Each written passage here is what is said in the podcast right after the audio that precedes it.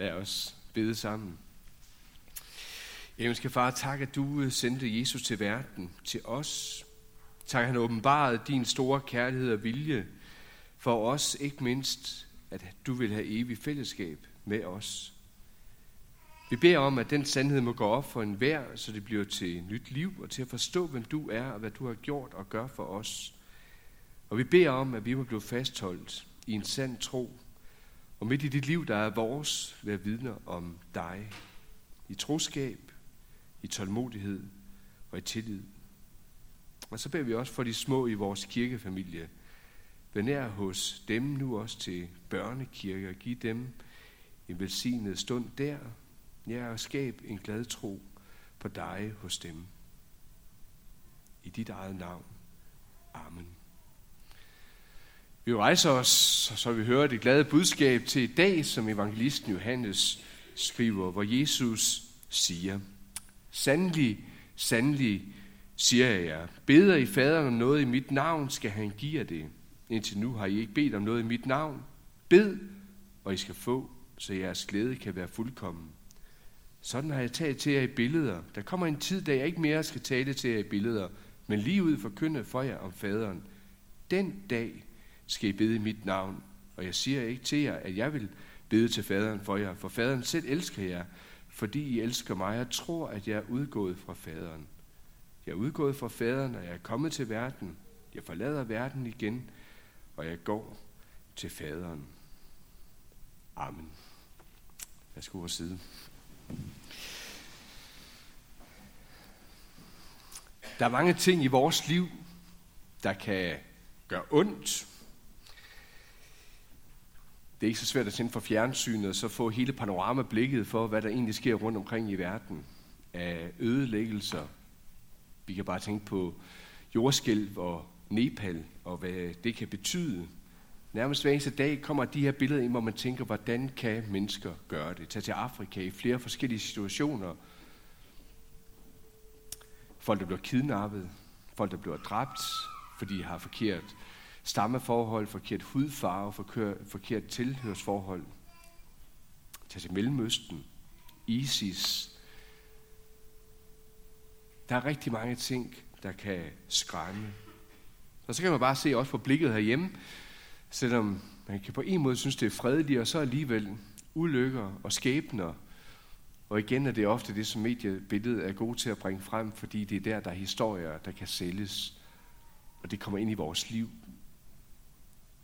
Nogle gange der tænker jeg, at, øh, at det gør ondt på os.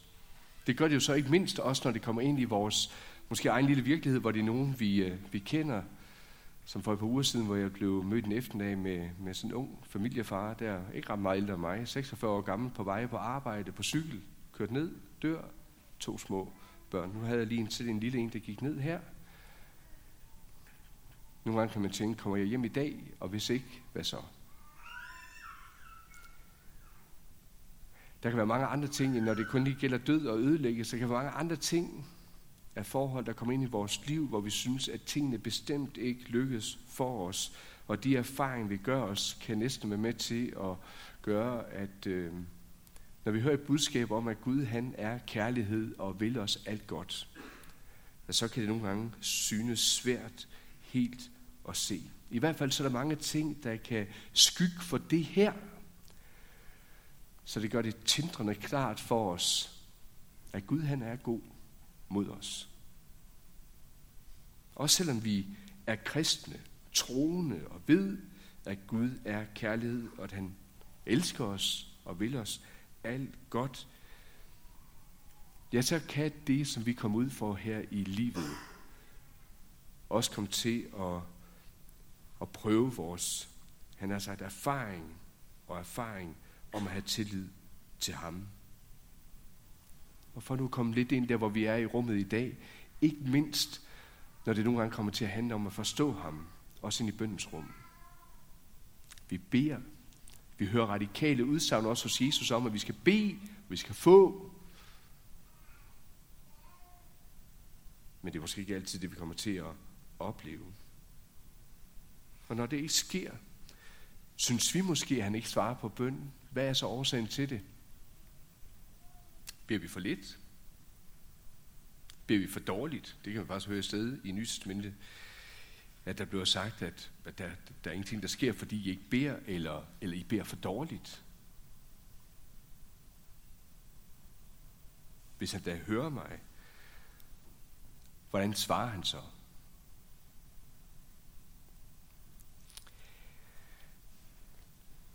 Midt ind i alt det gode, der kan sige som bøn, og jeg tror mange af os, vi øh, gerne vil høre, kender og griber om, så tror jeg også bare, at det mange gange er her, at mange ting kan komme til at strande i vores liv, og hvor der er nogle cirkler, der begynder at tage fart, og som også kan være med til at suge en frimodighed og suge en glæde ud af vores kristenliv. Det er også, tror jeg, mange af de her ting, der kan gøre, at vi kan blive opgivende i bøn. Virker det? Kan det betale sig? Vi kan blive anfægtet. Vi kan måske også rykke over i det felt, hvor vi begynder at blive tvivlende på, hvem Gud han egentlig er, om Gud han egentlig er til.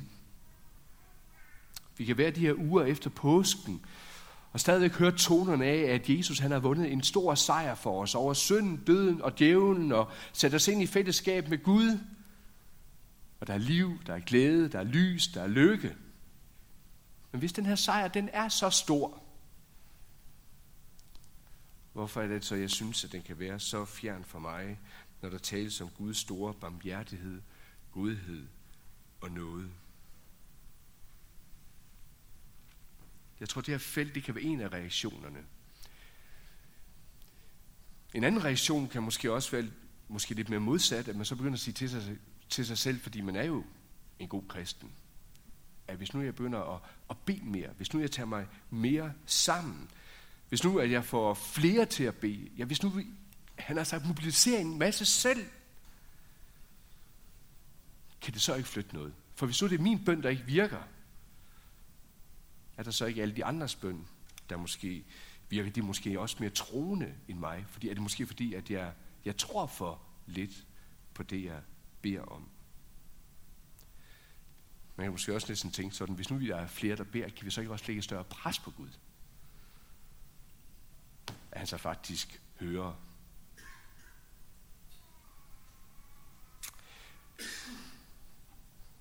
Han har sagt, hvis jeg kunne give et et endeligt og et klart svar på det her, så du aldrig nogensinde mere skulle stille spørgsmål ind i det her, eller have nogen som helst overvejelse omkring det her, så tror jeg bare, at vi var dobbelt så mange, så tror jeg, vi var 10 gange så mange til gudstjeneste her i dag. Og så tror jeg faktisk også, at, øh, at det her med lidelsens problem, at det aldrig nogensinde mere ved noget, der vil fylde i mit liv. Jeg ved ikke engang, om jeg vil beklage. Men jeg kan i hvert fald sige, at jeg kan ikke give dig et endeligt svar midt i alt det her, der gør, at du går hjem i dag og er tilfreds med og har forstyr på alt det her med. Hvorfor er forholdene på den her måde? Jeg kan ikke love dig en paradis tilstand nu, uden syndefaldets konsekvenser, uden de skrøbeligheder, som ligger i det, så du aldrig mere vil komme til at forholde dig til de her spørgsmål og tanker. Det kan jeg ikke. Og det har jeg faktisk en god fred i, at jeg ikke kan gøre. Hvis jeg kunne det, så vil jeg faktisk også selv være med til at sætte mig i den stol, hvor kun Gud han kan sidde og give de svar til dig, til hvert andet menneske. Men der er alligevel noget at sige ind i det her, som jeg selv har taget ind over mit eget liv, og som jeg hviler i.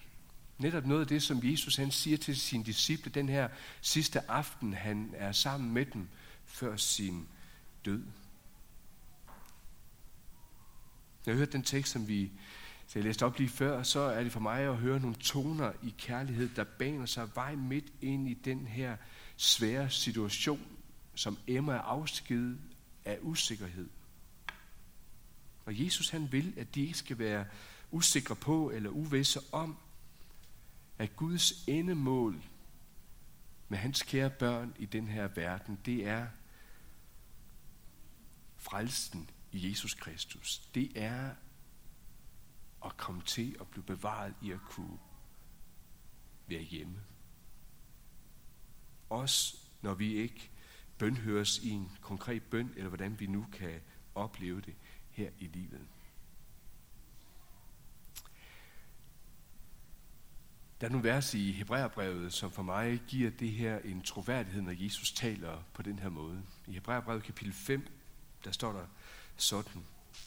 Mens han, altså Jesus, levede på jorden, det vil sige før den her aften, opsendte han under høje råb og tårer, bønder og anråbelser til ham, som kunne frelse ham fra døden. Og han blev bønhørt for sin gudsfrygt. Han blev bønhørt, men han døde stadigvæk. Også selvom det måske var nogle gange det, han bad om, om han skulle gå fri fra. Skønt han var søn, måtte han lære lydighed af det, han led. Og da han nåede målet, blev han årsag til evig frelse for alle dem, som adlyder ham, og blev af Gud kaldt øverste præst på Melchizedeks vis.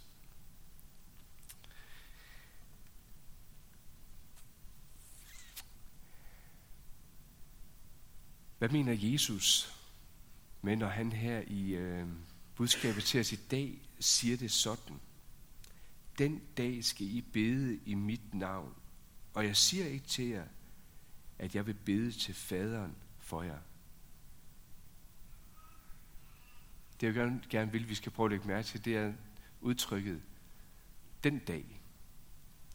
Og så ind i det radikale, når Jesus siger, jeg siger ikke, at jeg vil bede til faderen for jer. For mig er det, Jesus han gør her i afskedens stund, stund, det er at flytte fokus for sin disciple. Flyt det fra alt det, som er med til at gøre deres eget hjerte tunge, det som er lagt ind på deres sind, og så flytter han det efter sin egen død og opstandelse. Fordi han ved, den dag, der kommer det her til at stå i et nyt lys for den. Ikke at Jesus stopper sin omsorg eller bøn for dem. Det skal jeg vende tilbage til. Men som Guds børn for Jesus skyld, der er både deres og vores situation anderledes. Ved Jesu død, der blev der banet vej ind til Guds tronsal. Adgangen til nådens trone blev åbnet. Vi hørte det der i påsketeksterne med, at forhængen ind til det helligste blev flænget. Det vil egentlig sige, derind hvor Guds paradis er afbildet. Altså derind nu, hvor der blev adgang til at være i paradiset hos Gud. Gå der, sådan som man kan læse det på de første sider i Bibelen, at Gud og menneske gik sammen i haven, kunne tale med hinanden, kunne have fortrolighed. Ikke altid så hinanden. Gud han kom sådan en gang imellem ved aftenstid eller noget. Så det var ikke sådan, de sad, at de gik og så Gud hele tiden. Men han var der.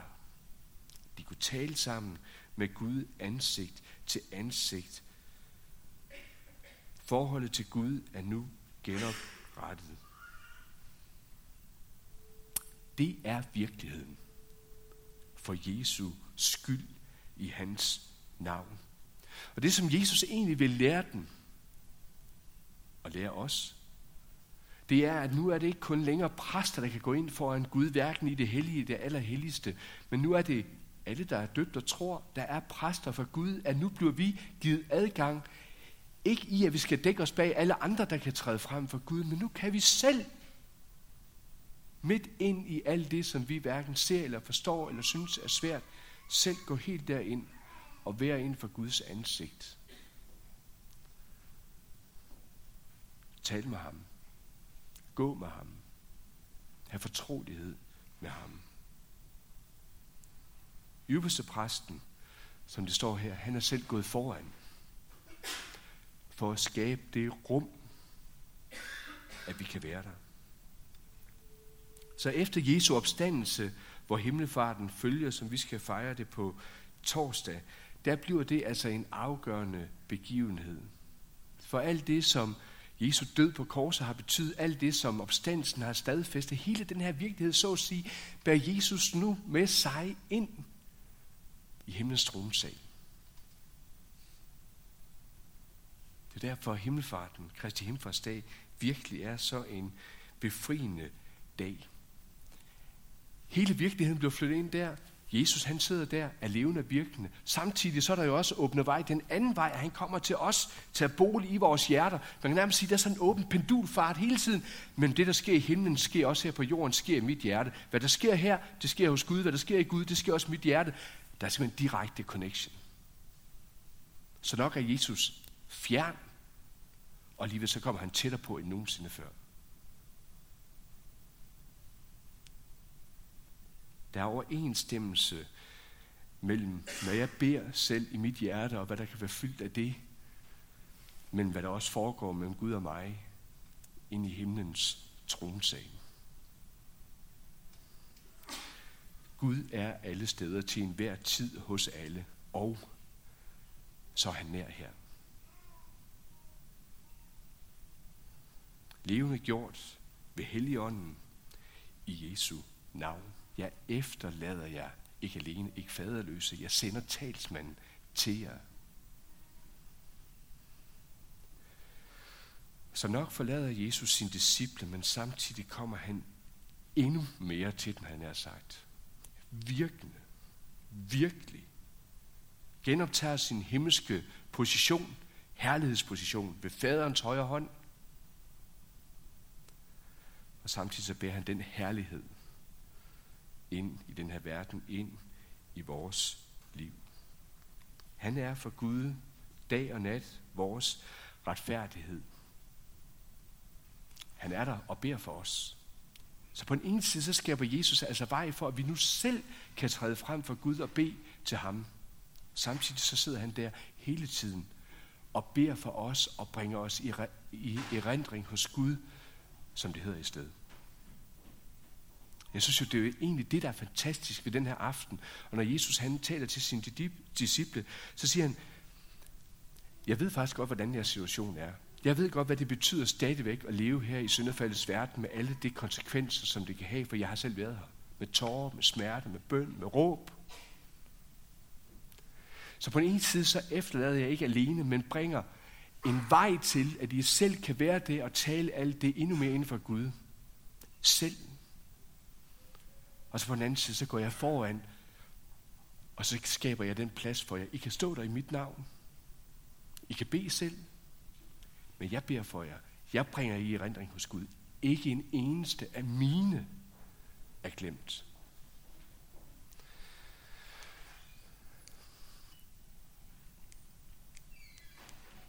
Den kom der. To vers. I Romerne 8, der skriver Paulus sådan, hvem vil fordømme Kristus Jesus er død, ja endnu mere. Han er opstået og sidder ved Guds højre hånd og går i forbøn for os. Og et andet sted i Hebræerbrevet, derfor kan han, altså Jesus, også helt og fuldt frelse dem, så kommer til Gud ved ham, fordi han altid lever og vil gå i forbøn for dem. Er Gud kærlighed? I min egen verden må jeg bare sige ja. Det er det emmer af kærlighed for Jesus i, på den ene side erkende hele den virkelighed, som den er, midt i, at han holder fast i, hvad hans frelsende vilje er, og i kærlighed giver os den plads, hvor vi kan være midt i alt det svære, og holder fast i os i kærlighed, fordi han til evig tid vil frelse os. Han kalder dem ikke bare disciple, han kalder dem venner, han kalder dem brødre og søstre. Ja, han kalder dem faktisk, at de er sønner, datter, barn af Gud. Så tæt er kærlighedsforholdet. Og når jeg gerne vil understrege det her så dybt i dag, så er det fordi for min egen del, så er det her, jeg har min tillid til Gud midt i alt det, jeg ikke forstår. En tillid til, at jeg kan komme i Jesu navn, uanset hvad der sker i mit liv, og hvordan jeg oplever det. Og jeg ved, at Jesus vil aldrig stå den bort, som kommer til ham. For mig at se, så er Jesu pointe nærmest at slutte med armen og se, se, hvor stor en kærlighed faderen har til jer. Han kender jer, han ved situationen. Han har ikke glemt jer. Men se, hvor stor en kærlighed faderen har til jer. Han elsker mig, siger Jesus. Han elsker jer. Han tager mit. Han giver det til jer. Hvad jeg er for ham, det er du også for ham. I mit navn har du adgang til hele himlens herlighed og kan træde frem for nådens trone og bede om alt. Og min far, som elsker mig, elsker dig. Han vil bønhøre dig, som han har bønhørt mig, efter sin vilje og efter sit råd, fordi han vil føre dig til målet, som han førte mig til målet.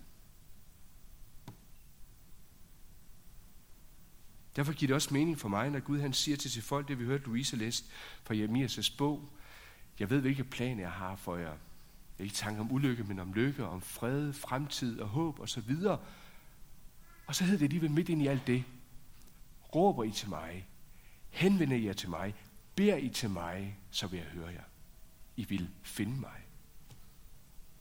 Og for mig at se, at det måske endnu mere ind i det her, at Jakob taler om at være ordets gør, ikke blot dets høre. For vi kan godt sidde og høre alt det her i dag, og så sige, ja, ja, ja, ja, det er fint nok. Det lyder godt alt sammen. Og hvad er det så, jeg skal gøre? Ja, vi er jo vant til at tænke, jeg skal ud og gøre en masse. Jeg skal ud og handle, fordi tro og gerning her sammen. Og troens gerning, det er jo at gøre en masse for min næste. Ja, jeg tror også, det er rigtig udlægning af Jakobs brev. Men kærlighedsbuddet lærer vel egentlig, at man skal elske Gud først og størst over alle ting. Så det at være ordets gøre, det er vel netop i det her, at have tillid til det, ordet siger, at jeg må komme til ham under alle forhold. Jeg må have tillid til ham. Jeg må henvende mig til ham. Jeg må handle i tro på de her ting. Det er troens gerning i min kærlighed til Gud. Og ja, så kan Gud afspejle den kærlighed for ære min fars navn i os og gøre godt over for min næste. Jeg tror, det er vigtigt, når vi taler om ikke blot, ikke kun være ordets høre, men også det gøre, at det kun handler om relationen udad til, til andre mennesker. Det er sådan, jeg ofte hører udlægning af den tekst. Jeg tror, det er vigtigt at holde fast i det dobbelte kærlighedsbud, at det også gælder kærligheden til Gud i det her. At jeg er ordets hører, at jeg ikke er en glemsom gør, som vi også sang det med Kingo. At man ikke går forgæves til kirke. At man ikke glemmer, hvad det var, man hørte til gudstjeneste men går hjem og handler på det. Også i mit forhold til Gud. Ellers bedrager I jer selv, siger Jakob. Og så ved jeg godt, at det ikke er nemt det her. Og derfor lover Jesus jo også, at han vil sende os Helligånden for at gøre det her levende. For at hjælpe os, for at trøste os, for at vejlede os. Heller ikke i det her er jeg overladt til mig selv.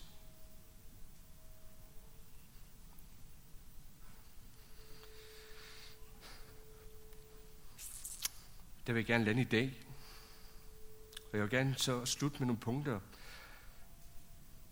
Hvorfor midt ind i alt det her, er det grunden til, at jeg beder for mit liv, eller beder i mit liv, og har bøn i mit liv, og har tillid til det at bede, og også det at lade bøn være foretegnet for mit liv, og som jeg siger det til jer mange gange, siger det til alle, der også blev medlemmer af Aarhus Bykirke, at et ansvarligt medlemskab, det er nummer et, at bede for sin kirke. Bøn som fortegn for kirkens liv, for mit eget liv. Fordi det her, det betyder for mig, at der, hvor jeg synes, jeg ikke lykkes i bøn, og det synes jeg bestemt ikke, jeg gør, det gør jeg ikke altid i den trofasthed, jeg gerne vil. I den vedholdenhed, som jeg gerne vil have i det. Heller ikke der, hvor jeg synes, at jeg får de rigtige bønnesvar. Jeg kender også til bedeskuffelser. Jeg kender også til, at jeg ikke forstår, hvorfor Gud han egentlig ikke svarer på det her, eller på den her måde, og kan bestemt ind i alt det her stille også de mange hvorfor. Men jeg har en frihed i, at bøn det ikke er krav, men et privilegium. Et sted, hvor jeg kan tale ud, hvor jeg kan græde ud, og egentlig også være tavs. Jeg oplever en befrielse i, at jeg ikke tror på bønden, men jeg tror på ham, som jeg må bede til. For ham kender jeg. Jeg oplever en fred i at kunne give slip på ting i bøn og hvile i, at de er lagt, lagt over til ham, som elsker mig, har givet sit liv for mig, som vil mig alt godt og vil bevare mig til et evigt liv hos sig. Jeg oplever, at bøn modner min tro. At jeg må erfare måske nok at kunne tabe ved ikke at kunne gennemskue alt, eller have styr på alt i mit liv i det her, og så midt ind i det her, opleve egentlig at vinde på en underlig måde. Der er også ting i mit liv, hvor jeg ikke synes, jeg har fået de svar, som jeg gerne ville, eller som egentlig kunne opleve som nederlag. Der er også sorg og ar i mit liv, som kan minde mig om, hvorfor handlede Gud sådan her? Med mig, med ting i mit liv. Men som jeg nogle gange på en forunderlig måde kan se tilbage på og sige, det var også det, der var med til at bevare mig. Og tillid til ham. Og så endelig så oplever jeg også en styrke i, at jeg nok må bede alene, men jeg også ved, at Gud har inviteret til, at hans børn kan stå sammen i en fælles røst og bede til ham. På den ene side, så tror jeg ikke, at det handler så meget om, at jo højere vi råber, jo flere vi beder, jo bedre hører Gud bøn. Han hører også den enkeltes suk. Men der er en kollektiv omsorg for hinanden i, både at vi må lægge hinanden over til Gud i bøn, og at vi må bede sammen i at rejse en røst til Gud og tro på, at han hører ikke bare mig, men det at høre til hos ham, er også hans menighed, han hører. Det kan både være, når vi beder kirkebøn sammen, eller som jeg så min gode biskop ven nede fra Indien, leder af børnehjemmet, som har en, en præst, der lige var syg, og i morges, der stod op for at skrive prædiken her, kunne se, at han bad for hans øh, hjælpepræst der, der havde en dårlig lever og, og, og nyere. Og jeg tænker, hvor er det fedt lige at få sådan et forbundsemne nede fra Indien af at vide, der er under mange kilometers afstand. Men det må jeg også bede for. Jeg må tage aktiv del i den verden, i Guds virke, hvor jeg er sat. Det inviterer Gud mig til. Jeg vil gerne slutte med et, det her vers. Det nævnte jeg også for jer aske onsdag om aftenen. Det har fulgt mig selv lidt her i løbet af foråret. Det var den kære pave i Rom. Ikke fordi han er en, der står i, imellem Gud og mig. Da jeg netop ikke katolik. Men jeg tror netop på, at jeg selv kan træde frem for Gud. Men i det her, der tror jeg, der er noget godt at følge, når han også pegede på det her vers, som måske for 2015 kunne være et godt ord for kristne at tænke over sit liv. Også I skal være tålmodige og gøre jeres hjerter stærke, for Herrens komme er nær. Både den dag, hvor han kommer, men også at han kommer ind i vores liv. Gør jeres hjerter stærke. Vær tålmodige.